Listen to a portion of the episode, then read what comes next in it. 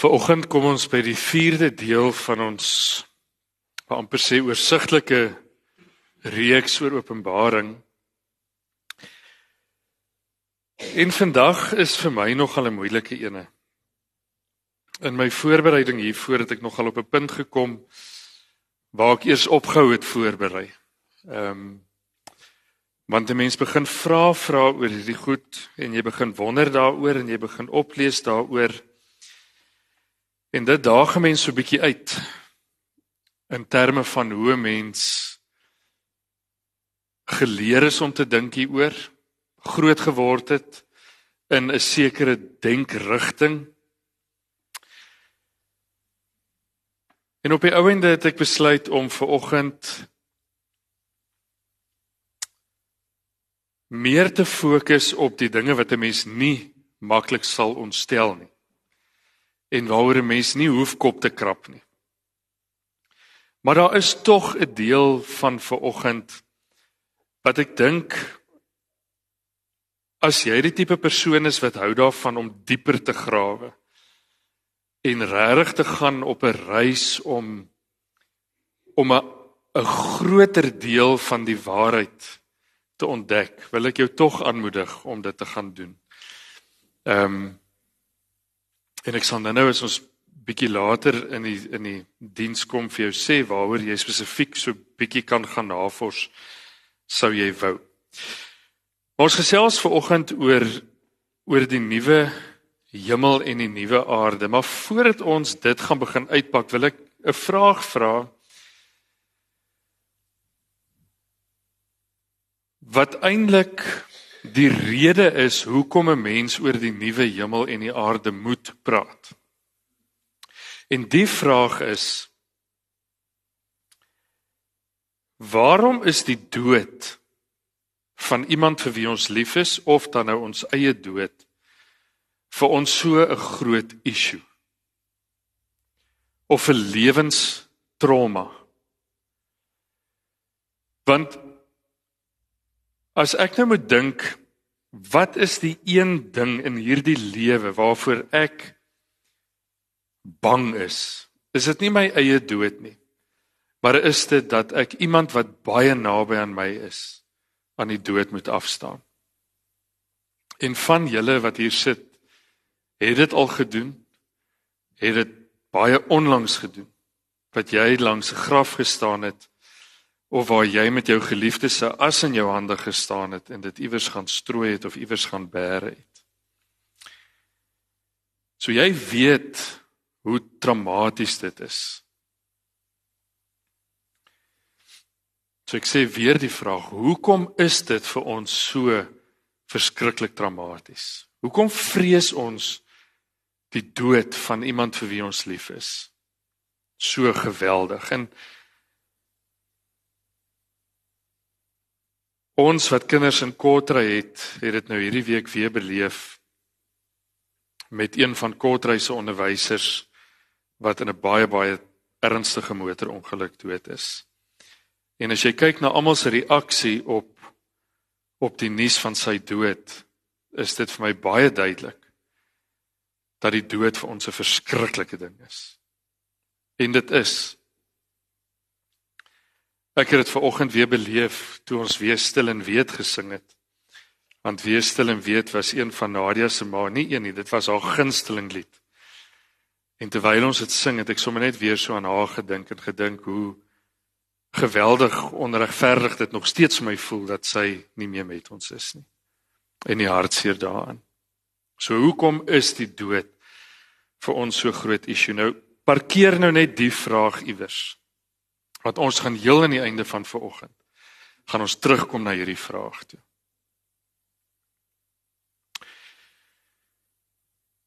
'n Groot deel van Openbaring gaan oor dit wat gebeur aan die einde van die realiteit of die wêreld of die aarde of die lewe soos wat ons dit vandag ken. En ons het 'n paar keer al vir mekaar gesê in hierdie reeks dat die groot doel van Openbaring, hierdie apokalips wat Johannes neergepen het, is om vir mense hoop te gee. Hoop vir vervolgde gelowiges vir die oomblik waarin hulle leef om te kan bly volhard in hulle geloof. Maar dan nie na die einde van Openbaring toe hoofstuk 21 en 22 word die hoop wat gegee word so bietjie meer gefokus op die hoop vir eendag wanneer ons sterf en die lewe hierna. Nou voordat 'n mens kan kom by hoe dit eendag gaan wees, moet 'n mens eers net 'n tree teruggee en sê, hoe is dit nou? En ons almal leef nou.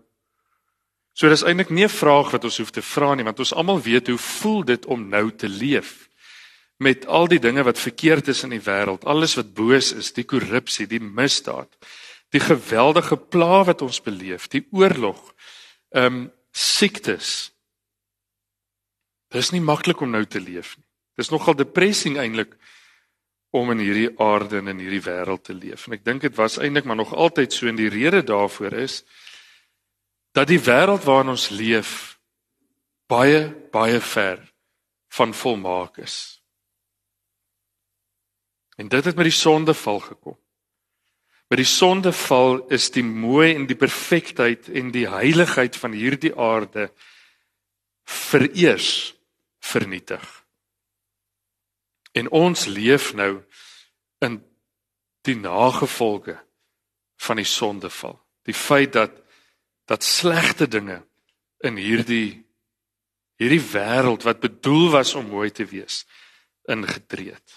Nou Paulus beskryf dit eintlik verskriklik mooi. Hy sê in Romeine 8 vers 18 tot 20 Ek is oortuig dat die lyding van die huidige tyd nie vergelyk kan word met die heerlikheid wat bestem is om aan ons geopenbaar te word nie.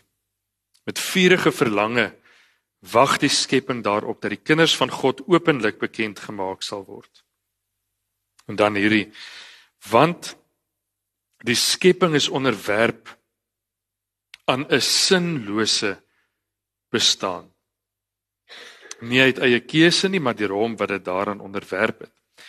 Die skepping hoop om self vrygemaak te word van verslawing aan verganklikheid met die oog op die heerlike vryheid van die kinders van God.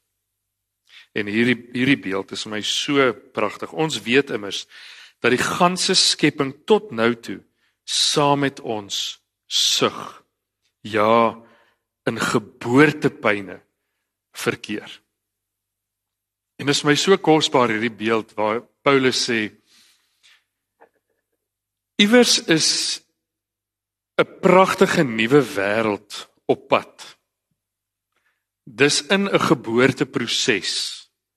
En so af en toe kan jy ietsie van hierdie mooi nuwe wêreld wat nog nie gebore is nie sien. Dis soos 'n 'n swanger vrou. En so af en toe dan sien jy hier en daar in haar maag sien jy 'n voet wat vasdruk of 'n elmboog of jy voel 'n babatjie wat skop. So 'n stukkie van daai nuwe lewe wat deurbreek buite toe, maar dit het nog nie heeltemal gerealiseer nie. En ons ervaar nou die geboortepyne van hierdie nuwe wêreld wat op pad is. En ons beleef stukkie stukkie hier en daar ietsie van hierdie mooi nuwe wêreld wat al reeds begin realiseer. Maar daar gaan 'n dag kom wanneer hierdie nuwe hierdie nuwe realiteit gebore word. En dan gaan dit ten volle anders wees en nuut wees en weer rein wees en volmaak wees en mooi wees.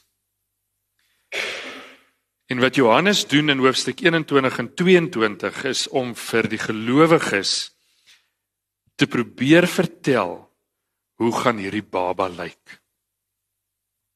Want as hy vir hulle kan vertel hoe hierdie baba lyk, sal hy hulle kan bemoedig om aan te hou leef ter wille van die evangelie. Sal hy hulle gefokus kan hou op dit wat regtig belangrik is. En dit is 'n toegewyde lewe aan God. Ek dink om dit te doen is besonder moeilik. Om hierdie nuwe baba, as ons dit nou so in aanhalingstekens kan sê, hierdie nuwe realiteit vir mense te skilder, is 'n tolorder. Dis eintlik, eintlik baie naby aan onmoontlik.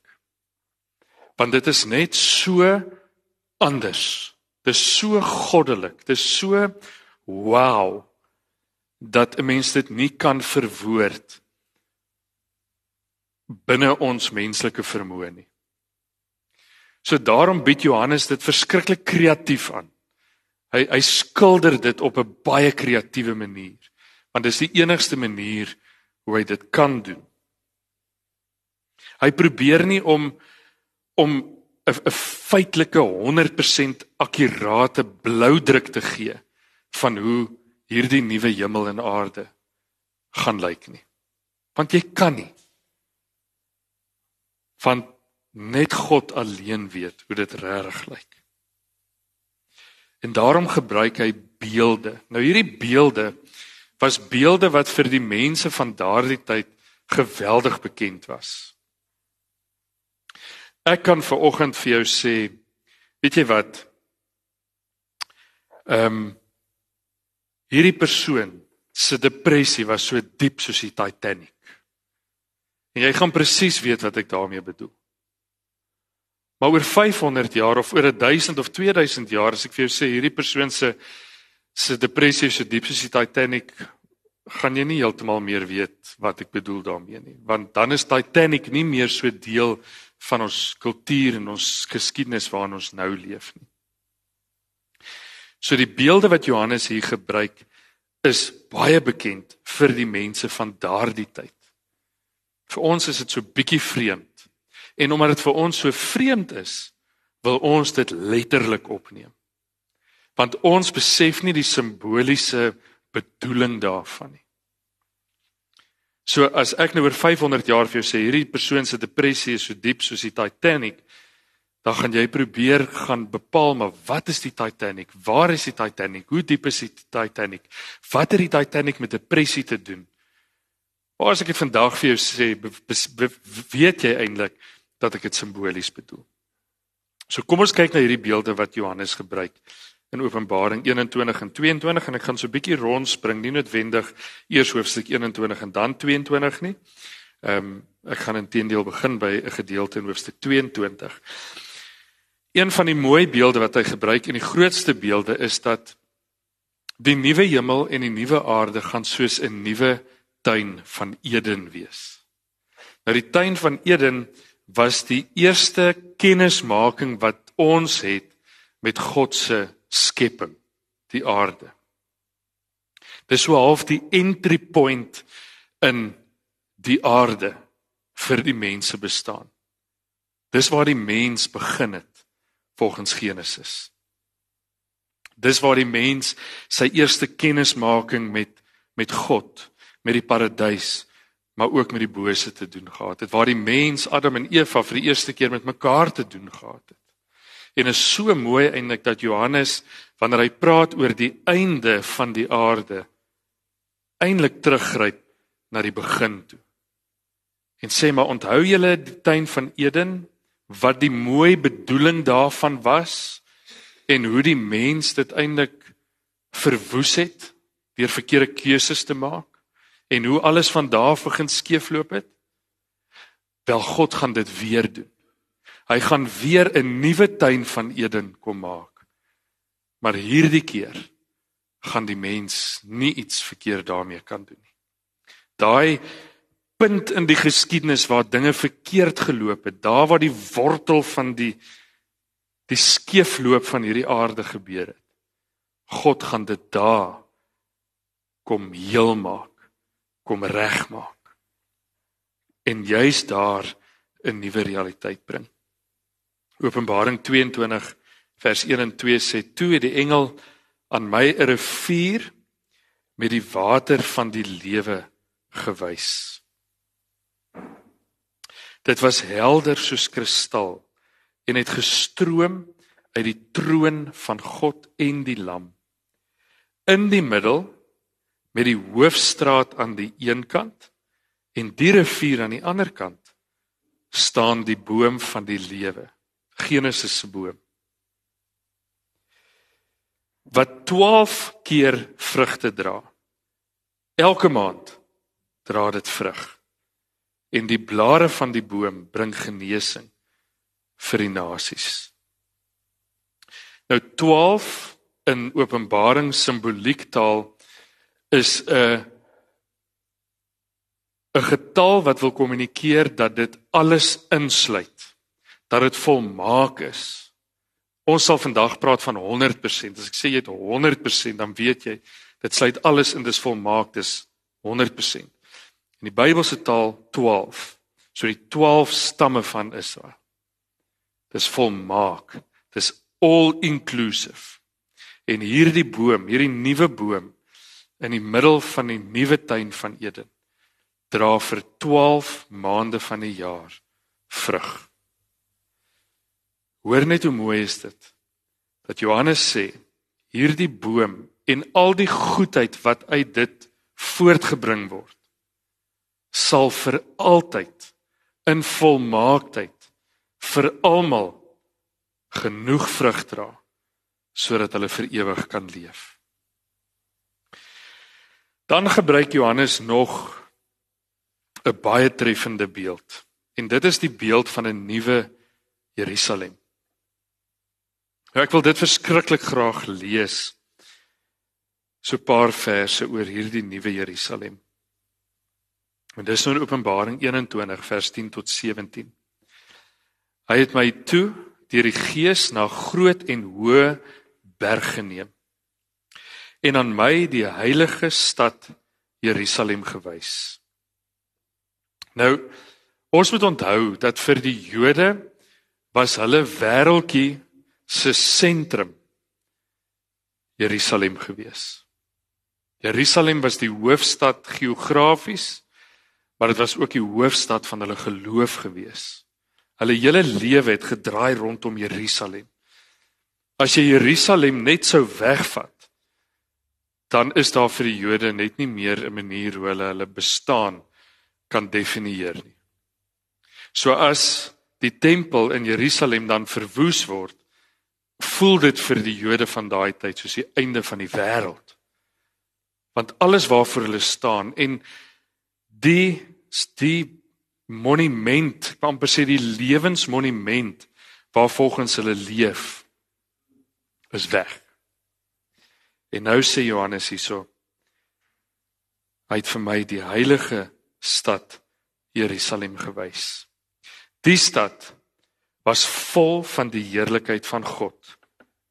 Haar glans het net soos die van 'n baie kosbare edelsteen gelyk, soos kristalhelder jaspis. Jaspis was 'n baie baie duur rooi edelgesteente.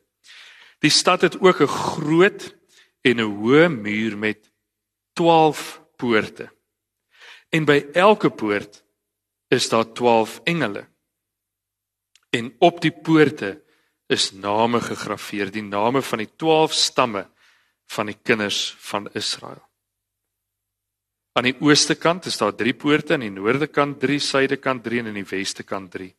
Die stadsmuur het 12 fondamente en daarop is ook 12 name. Dit is die name van die 12 apostels van die Lam. Die engel wat met my gepraat het, het 'n goue meetstok gehad. Hoor net hoe probeer Johannes die perfektheid, die volmaaktheid, die all-inclusiveness van hierdie nuwe stad vir ons kommunikeer. Dis hoekom ek sê ons kan dit nie letterlik opneem en dis nie die idee daarvan nie. Die idee is nie dat hierdie stad letterlik 12 poorte gaan hê nie. Dit is Johannes se kreatiewe manier om te sê die Here het vir my hierdie nuwe Jerusalem gewys, 'n nuwe realiteit waarbinne ons ons lewe gaan definieer en hierdie realiteit is alles insluitend, dit sluit vir almal in wat in Jesus glo en dis perfek, rein en volmaak en absoluut heilig. En dan as ons nou hier lees byvoorbeeld van die engel met die maatstok, is dit 'n goue maatstok. Want dis deel van hierdie kreatiewe 'n skets, portret, landskap painting wat Johannes besig is om vir ons te skilder. Goue meetstok gehad en daarmee die stad, haar poorte en haar muur gemeet. Die stad is vierkantig uitgelê. Haar lengte is dieselfde as haar breedte. Hy het toe die stad met 'n meetstok gemeet 12000 stadion. Die lengte, breedte en die hoogte daarvan is dieselfde. Hy het ook die mure van die stad gemeet. 144 L hoog in mensemaat wat ook die engelmaat is. Ek gaan nie vir oggend dit vir julle gaan lees nie. Maar wat Johannes hier doen is hy gryp terug na Esegiel 40. Gaan lees bietjie Esegiel 40 by die huis waar dit gaan oor die 12 poorte en die 12 stamme en hier trek hy 'n verhouding of 'n verband tussen die 12 poorte en die 12 stamme van God. En dan die kubus wat hy sê die stad was 'n kubus gewees. Al die lengtes was presies dieselfde gewees. Dit verwys weer terug na 1 Konings 6 vers 19 en 20. Gaan lees dit ook 'n bietjie daar waar dit verwys na die nie net die tempel nie, maar die die allerheiligste deel van die heiligdom van die tempel. Nou julle weet die tempel het mos heiliger geraak hoe nader jy na die senter van die tempel toe beweeg. So Jerusalem was heiliger as die dele buite Jerusalem, dan die tempelplein was nog heiliger en dan die tempel nog heiliger en dan in die tempel was die allerheiligste deel en uh, uh, een konings beskryf dit as 'n 'n kubus. So wat doen Johannes? Hy sê hierdie hele stad is nou hierdie kubus. Is nou hierdie allerheiligste deel. Die heiligste wat jy kan kom. En die naaste wat jy aan God kan kom. Hulle het mos geglo die naaste wat jy aan God kan kom is as jy in daardie allerheiligste deel is. Nou ons kan nie anders hieroor dink as simbolies nie. Hoor net wat Johannes probeer sê. Johannes sê hierdie nuwe aarde, hierdie nuwe Jerusalem, hierdie nuwe hemel, die nuwe realiteit is heilig. Dis rein, dis volmaak, dis perfek en dit sluit almal in wat vir God ja sê. Die 12 stamme waarvan ek en jy ook deel vorm. Maar Het julle opgelet dat in hierdie nuwe Jerusalem is daar nie 'n tempel nie. En dis nogal vreemd. Want Jerusalem in die ou tyd kan nie Jerusalem gewees het as daar nie 'n tempel was nie. Want die tempel het Jerusalem gemaak. En nou sê Johannes God het vir hom hierdie pragtige nuwe stad gewys. Maar daar's geen verwysing na 'n nuwe tempel nie. En my vraag is hoekom nie? Want dit is nie nodig nie. Dis nie nodig nie. Want God kom dan wanneer hierdie nuwe aarde gebore word, kom God homself by ons woon en ons by hom. En daar waar hy altyd net in hierdie allerheiligste deel van die tempel was, soos wat hulle geglo het, ek sê dit in aanhalingstekens, is die hele nuwe realiteit. Nou hierdie allerheiligste deel. En vul God met sy heerlikheid. Elke liewe deeltjie van hierdie nuwe realiteit hierdie nuwe hemel en die nuwe aarde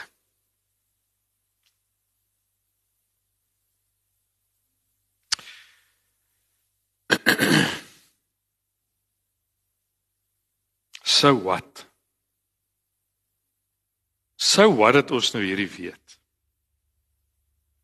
Dis eendag. Ja, dit is eendag. Maar ek en jy gaan ongelukkig nog in ons lewe die ervaring hê dat van die mense vir wie ons so lief is nie meer met ons gaan wees nie. Ek en jy sit ver oggend hier en verlang na iemand wat nie meer hier is nie. Dis vir ons traumaties. Dis hartseer, dis sleg.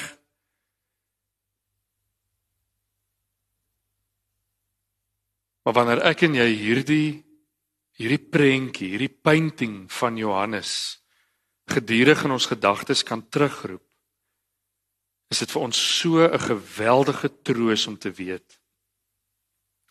Dit is die realiteit. Vir hulle wat in Jesus glo, maar nie meer met ons is nie. En dit maak dit vir ons draagbaar hierdie verlange, hierdie hartseer.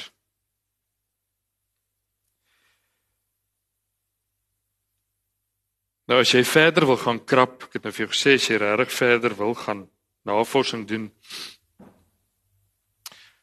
gaan kyk bietjie waar in die Bybel staan daar dat wanneer 'n gelowige hier op aarde sterf, hulle dadelik hemel toe gaan gaan lees 'n bietjie op oor wat sê die Bybel oor die hemel en gaan lees bietjie artikels oor oor hierdie onderwerp. Dis baie interessant. Ek gaan vir ons vanoggend so half as 'n afsluiting ietsie lees en hierdie ietsie wat ek gaan lees gaan vir ons help om ons eerste vraag wat ek in die begin gevra het te antwoord. Hoekom is dit vir ons so traumaties wanneer ons met die dood gekonfronteer word? Juis omdat ons hierdie hierdie pragtige nuwe hemel en aarde as belofte ontvang in terme van die lewe hierna. Hoekom is dit so?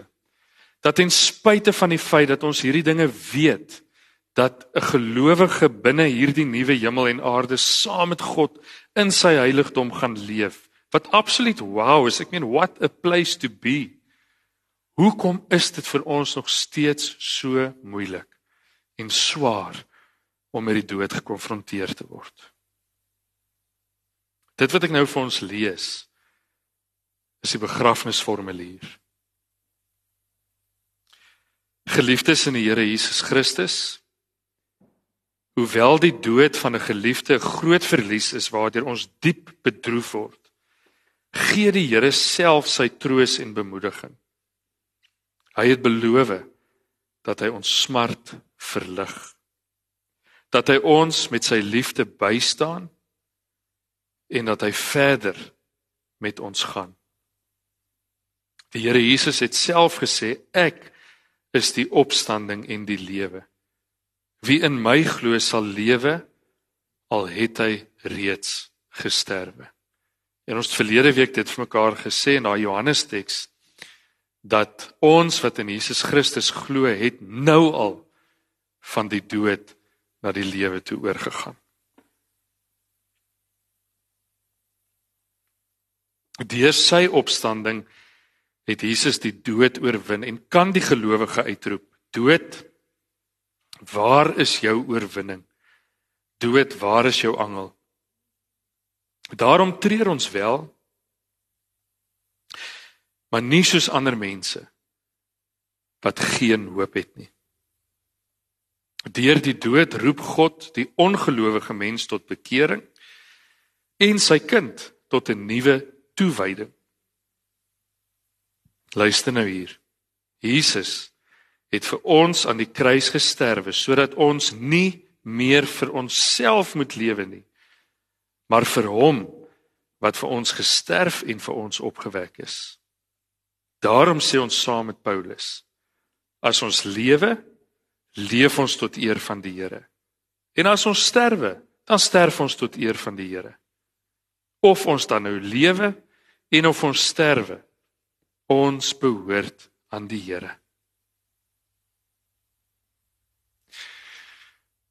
Ek dink Paulus Dis redelik groot bek as hy dit sê. Of ons lewe en of ons sterwe. Maak nie saak nie. Ons behoort aan die Here. Miskien ek dink Paulus het iets reg gekry. Paulus het dit reg gekry om nie vir homself te lewe nie, maar alleenlik te lewe vir God. En as ek ver oggend baie baie baie eerlik moet wees, dink ek nie ek leef net vir God nie. Ek dink nie een van ons doen nie. Ek dink nie dis maklik om net vir God te leef nie.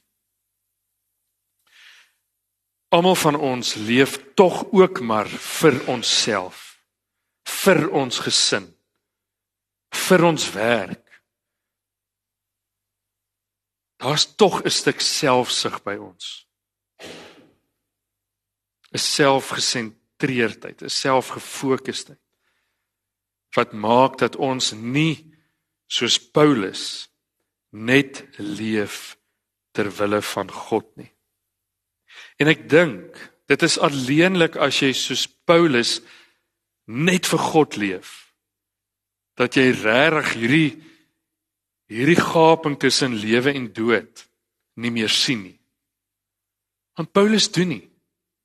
Hy sê of ek nou lewe of ek sterwe, is vir my dieselfde. Ek het reeds van die dood af na die lewe toe oorgegaan. Ek is nie daar nie. Deeye is nie daar nie. Ek wil nie nou doodgaan nie. Ek wil nie my geliefdes aan die dood afstaan nie. Vir my is daar 'n groot skeiding nog tussen lewe en dood. Dit is my verskriklik dramaties om net daaroor te dink. Hoekom is dit so dramaties as ons met die dood gekonfronteer word?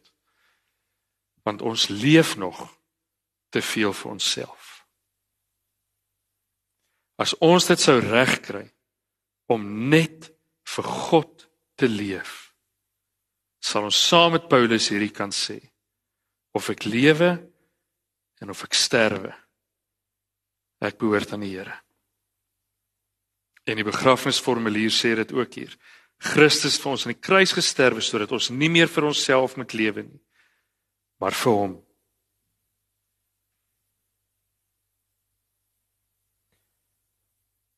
Ek sluit af.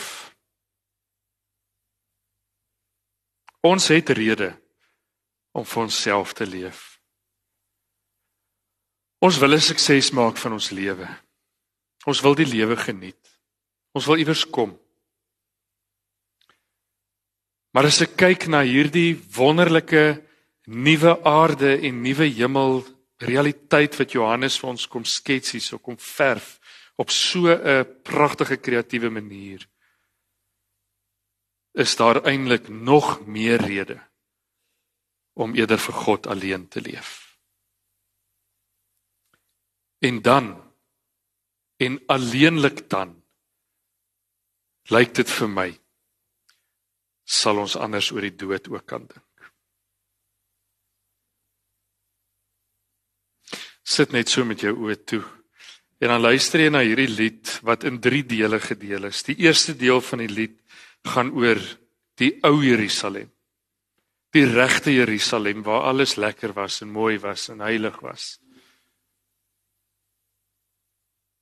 En dan in die middelste deel van hierdie lied raak dit lelik. Want dan is daar 'n koppie met 'n kruis op. En die wêreld kom amper tot stilstand. En dan in die derde deel van die lied word daar geboorte gegee aan hierdie nuwe Jerusalem. Aangesien jy na 'n opname luister van die erediens, klik asseblief op die skakel in die beskrywing van hierdie podcast en luister asseblief die YouTube lied in hierdie link.